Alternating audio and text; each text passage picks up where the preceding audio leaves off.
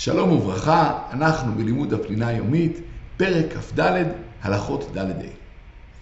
ואנחנו נעסוק היום בסוף זמן תפילת מנחה ובדברים שאסור לעשות לפני תפילת המנחה. זמן תפילת המנחה נמשך עד הערב, אלא שנחלקו הפוסקים עד בדיוק מתי הזמן. האם זה עד שקיעת החמה או עד צאת הכוכבים. ובעצם המחלוקת הזאת תלויה בזמן הקרבת תמיד שבין הארבעים. יש אומרים שזמן זריקת הדם של התמיד היה רק עד השקיעה, ולכן עם אלה רק עד השקיעה אפשר להתפלל מנחה. אבל יש אומרים א', יש דעה שאומרת שזריקת התמיד יכלה להיות עד צאת הכוכבים, ועוד יש אומרים שאומנם זריקת הדם הייתה עד שקיעת החמה, אבל יש עוד את הנסכים ואת הקרבת החלבים והאיברים, וזה ודאי נמשך עד צאת הכוכבים, ולכן עם אלה אפשר להתפלל עד צאת הכוכבים. למעשה, לכתחילה צריך להשתדל לסיים את תפילת המנחה עד שקיעת החמה. אבל בדיעבד אפשר לסמוך על דעת רוב הפוסקים ולהתפלל עוד כ-14 דקות אחרי השקיעה, ש... שעד אז לכל הדעות עדיין הלילה לא התחיל. גם י"ג מידות ונפילת אפיים, אפשר לומר בזמן הזה של 14 דקות אחרי השקיעה. מי שיש לו אפשרות להתפלל ביחיד לפני השקיעה, או בציבור אחרי השקיעה, אמנם יש שרצו להגיד שיצא ידיעת כל השיטות ויתפלל ביחיד לפני השקיעה, אבל דעת רוב הפוסקים שעדיף שיתפלל במניין, למרות שהמניין אחרי השקיעה, כמו שאמרנו. מניין שהתחיל להתפלל מאוחר, אז שוב פעם, יש אומרים שלא יוותרו על חזרת השעץ, למרות שהיא תאמר אחרי השקיעה, ויש אומרים שמותר לוותר, לוותר על חזרת השעץ, ולעשות מה שאנחנו קוראים תפילה קצרה, להגיד את שלושת הברכות הראשונות בקול רם, ואז זוכים לקדושה, ואחר כך להמשיך בשקט. והאמת היא שלשתי הדעות יש מקום בהלכה, ואמר הדאתרא, הרב, רב הבית כנסת, הוא צריך להכריע בשאלה מה עדיף לעשות במקרה כזה. כדי שלא ישכח אדם להתפלל מנחה.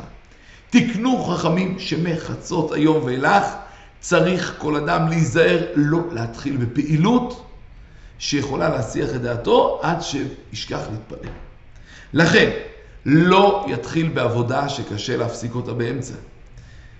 ולא יתחיל בעבודה שיש חשש שתיווצר איזו תקלה, ושוב פעם הוא יגיע עד שכבר יעבור זמן תפילה, ולא ילך לקניות שעלולות להימשך אחרי סיום זמן התפילה, ולא ילך לשחות בבריכה כאשר יש חשש שישעה שם עד שיעבור זמן תפילה.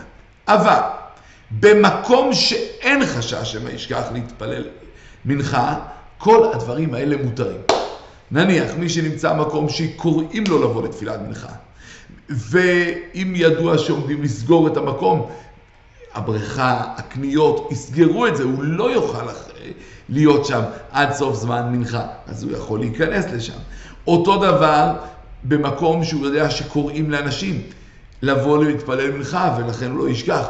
הוא הדין אם הוא אומר למישהו, תזכיר לי בבקשה להתפלל מנחה. גם אז, ממילא הדבר מותר, כמו שאמרנו. ועוד דוגמה, שאדם יש לו זמן קצוב, הוא הולך, הוא שוחה שעה ויוצא מהבריכה, יהיה מותר לו להיכנס, כאשר ברור שהוא לא עומד לפספס את זמן מנחה. עבר והתחיל באחד מהדברים שכן עלולים להימשך זמן רב, אם לפי הערכתו הוא יכול לסיים לפני סוף זמן מנחה, כיוון שהתחיל, לא הפסיק. לא מכריחים אותו להפסיק באמצע, והתפלל שיגמור את העניינים. אבל אם נראה לו שהעיסוק הזה יימשך עד אחרי זמן תפילת מנחה, יפסיק מיד ויתפלל. בעבר אסור חכמים להסתפר בזמן המנחה. אבל כתבו האחרונים שהיום התספורת מסתיימת בזמן קצר מאוד, ואין חשש שמטרה תקלה במספריים, מכונת תספורת, כי לכל ספר יש כמה מכונות וכמה זוגות מספריים, ולכן עם אלה גם אחרי שהגיע זמן מנחה, מותר להסתפר, וזה לא כלול בדברים שאסור לעשות לפני זמן תפילת מנחה. ונסיים בשאלה, איזה דברים מה הכללים, מתי מותר לעשות דברים לפני סוף זמן תפילת מנחה, לפני שכבר הגיע זמן מנחה אבל עדיין הוא לא התפלל, מתי כן מותר לו לעשות דברים. שלום, שלום.